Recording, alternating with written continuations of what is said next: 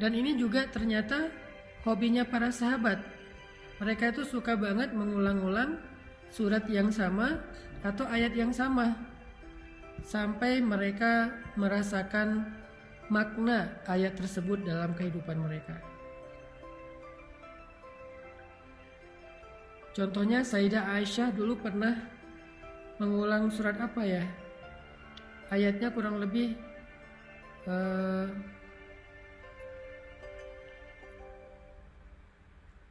nanti saya cek lagi suratnya dan ayatnya ada satu ayat yang Sayyidah Aisyah itu membaca dari habis subuh sampai menjelang zuhur.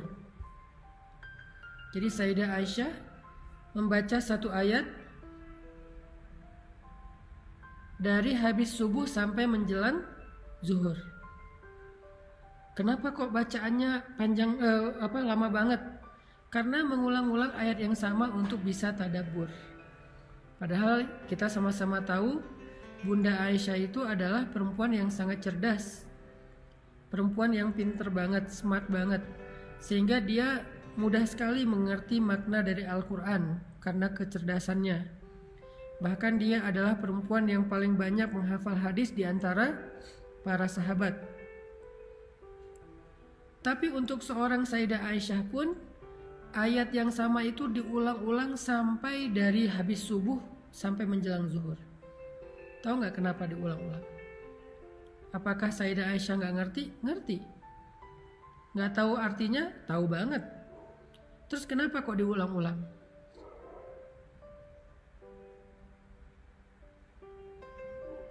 Sayyidah Aisyah mengulang ayat yang sama dari habis subuh sampai menjelang zuhur. Tujuannya adalah agar ayat itu terasa di dalam hati. Tujuannya adalah agar ayat itu terasa di dalam hati.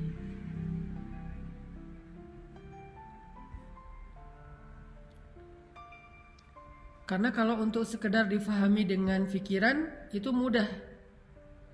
Tapi kalau untuk dirasakan ke dalam hati itu butuh proses. Sehingga seorang Sayyidah Aisyah yang pinter aja, yang paling ngerti Al-Quran aja, butuh waktu dari habis subuh sampai menjelang zuhur untuk bisa merasakan ayat itu di dalam hati beliau.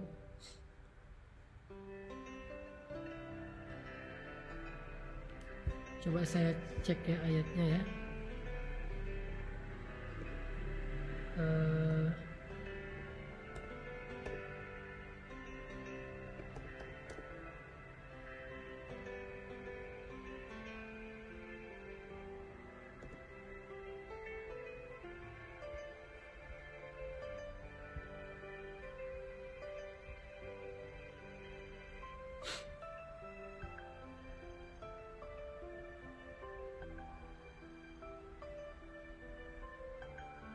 Ah, ketemu nih. Ada di surat At-Tur. Coba teman-teman buka surat At-Tur.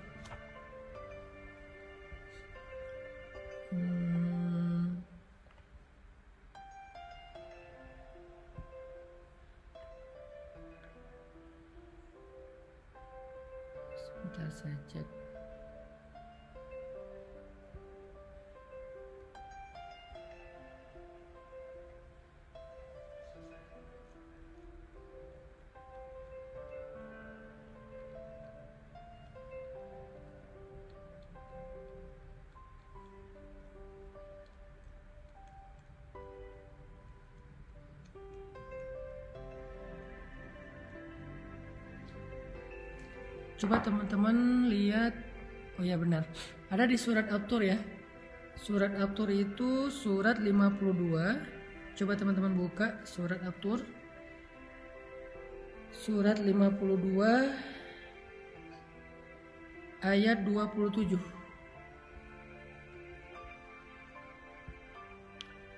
Surat Al-Tur surat 52 ayat 27.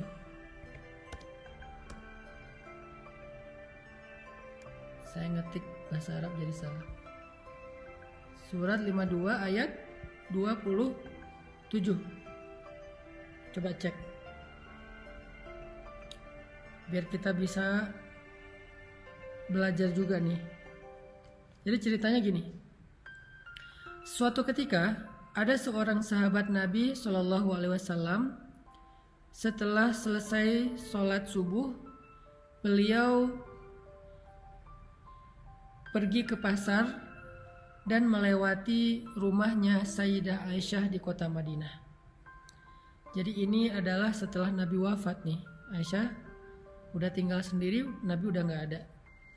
Jadi seorang sahabat pergi ke pasar di waktu pagi habis sholat subuh melewati rumah Sayyidah Aisyah.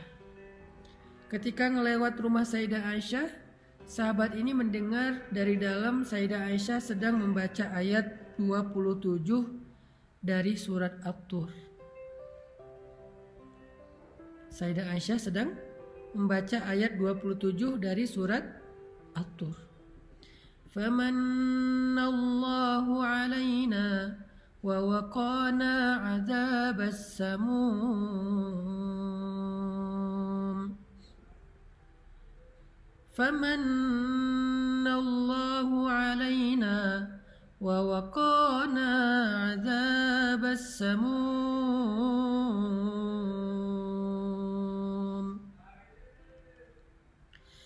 فمن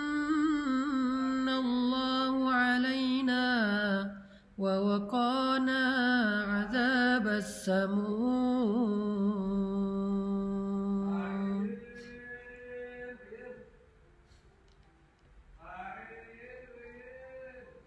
lebih kenceng suara dia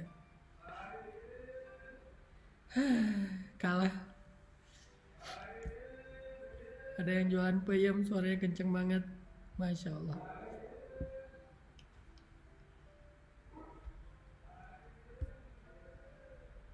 Kita diam dulu deh.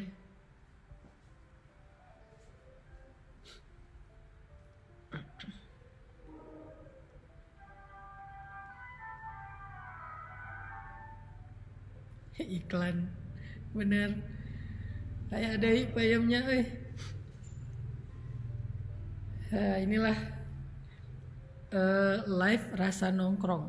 Makanya saya berapa, berapa kali teman-teman bilang Ustadz di studio aja bikin studio gitu. Dulu rumah yang sebelumnya saya punya studio tapi saya rasa kalau di studio itu kita kayak nggak nongkrong terlalu resmi. Dan saya nggak terlalu suka dengan cara-cara yang kaku. Makanya saya sengaja bikin ini di rumah dan rumahnya emang eh, depan jalan komplek. Dan komplek kita tuh agak terbuka jadi banyak pedagang yang lewat tapi anggap aja itu kita lagi nongkrong gitu kan. Cuman suaranya itu luar biasa ya. Dolby banget ya suaranya. Bayam itu semacam apa ya? Tape. Ada yang nanya nih bayam itu apa Ustadz bayam itu tape bahasa Sunda. Jadi kalau di Bandung itu orang jualan payem, payem itu sambil uh, apa jalan gitu sambil ngasong. Jadi nggak konsen. Tadi apa tadi teh? Oh ya balik lagi ke surat atur ayat 27 jadi teman-teman maaf ya anggap aja ini kita lagi nongkrong di rumah saya.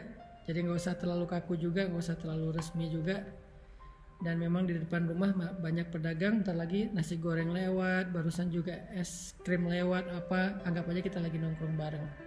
Mantap lah. Balik lagi ke surat Al-Tur ayat 27 jadi kisahnya tadi adalah uh, ada seorang sahabat yang pergi ke masjid melewati rumah Sayyidah Aisyah di waktu subuh Nah, ketika melewat rumah Sayyidah Aisyah, sahabat ini mendengar Sayyidah Aisyah lagi baca Al-Quran.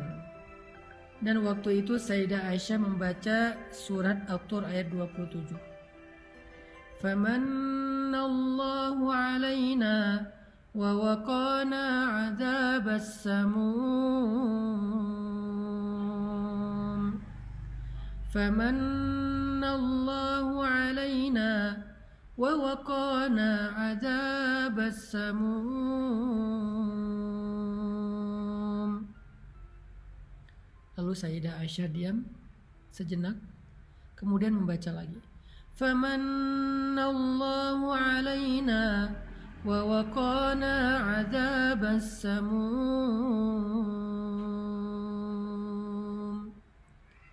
Diam lagi kemudian Sayyidah Aisyah menangis Kemudian baca lagi. Famanallahu alaina wa waqana adzabas samum.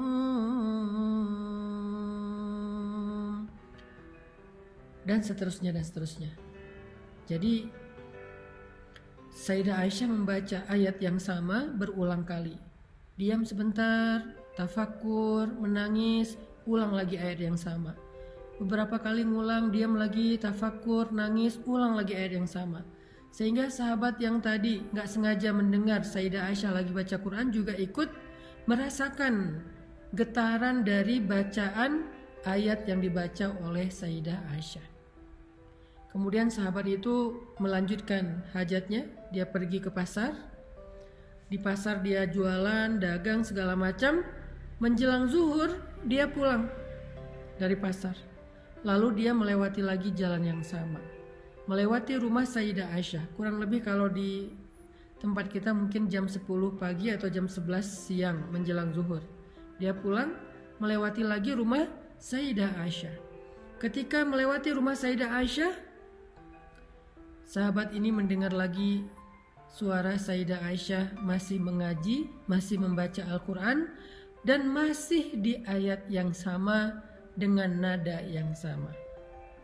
Famanallahu alaina wa waqana adzabas. Diam. Kemudian menangis. Kemudian berdoa. Kemudian baca lagi. Famanallahu alaina ووقانا عذاب السموم ternyata dari subuh sampai lewat duha Sayyidah Aisyah membaca dan mengulang-ulang ayat yang sama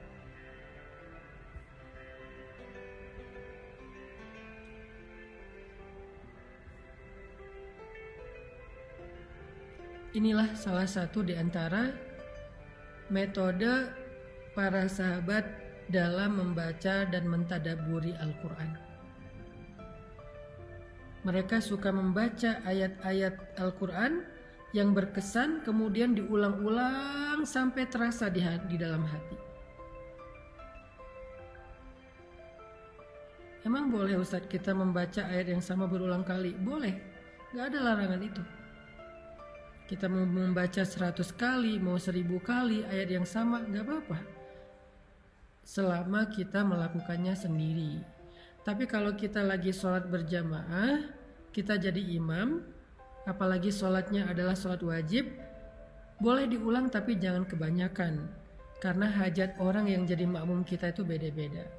Ada yang sholat itu transit, setelah ini dia mau melanjutkan perjalanan ada yang sholat itu sambil break. Setelah ini dia mau ngelanjutin kerjaan. Ada yang sholat itu buru-buru karena dia ada hajat dan seterusnya yang kita nggak pernah tahu. Jadi kalau kita jadi imam sholat wajib bacanya yang uh, sederhana. Makanya kenapa Nabi sahabat membaca berulang-ulang itu di dalam sholat tahajud? Karena tahajudnya sendiri. Jadi nggak akan ngeganggu urusan orang lain. Maka dari itu Aisyah radhiyallahu anha membaca ayat ini berulang-ulang di rumah beliau sendiri dari habis subuh sampai lewat duha. Kenapa? Karena untuk bisa merasakan ayat tersebut di dalam hati.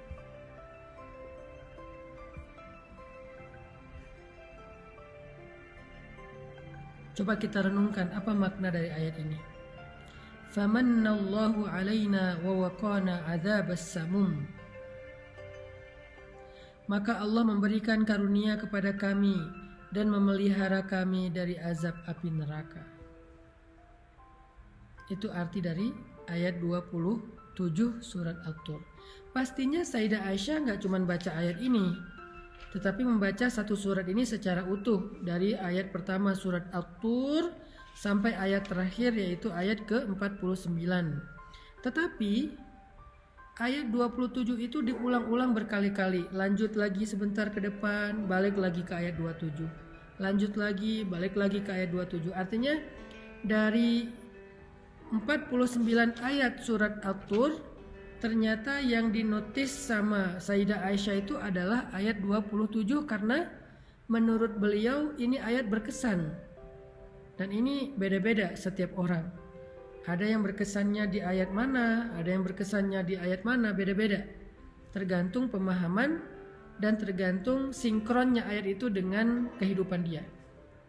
Kadang-kadang ada ayat yang lagi kita banget karena emang kita lagi ngalamin apa yang ada di ayat itu.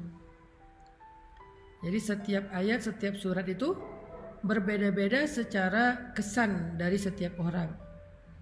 Nah, ketika kita mendapatkan satu ayat yang berkesan, mendapatkan satu ayat yang uh, kita ingin tadaburi, maka metode yang ditempuh oleh para sahabat adalah dengan mengulang-ulang ayat tersebut. Terutama di dalam sholat tahajud, di dalam sholat duha, atau di luar sholat ketika kita punya waktu luang.